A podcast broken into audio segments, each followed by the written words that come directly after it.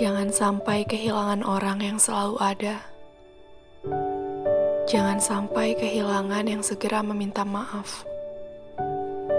Jangan sampai kehilangan yang berani melindungi. Jangan sampai kehilangan yang selalu mengerti. Jangan sampai kehilangan yang selalu mengalah di saat kau marah. Jangan sampai kehilangan yang mengetahuimu cukup dalam, sekalipun kau diam. Jangan sampai kehilangan yang sanggup meredam egonya. Jangan sampai kehilangan yang selalu bergembira hati menguatkanmu, sekalipun ia sedang berperang pilu.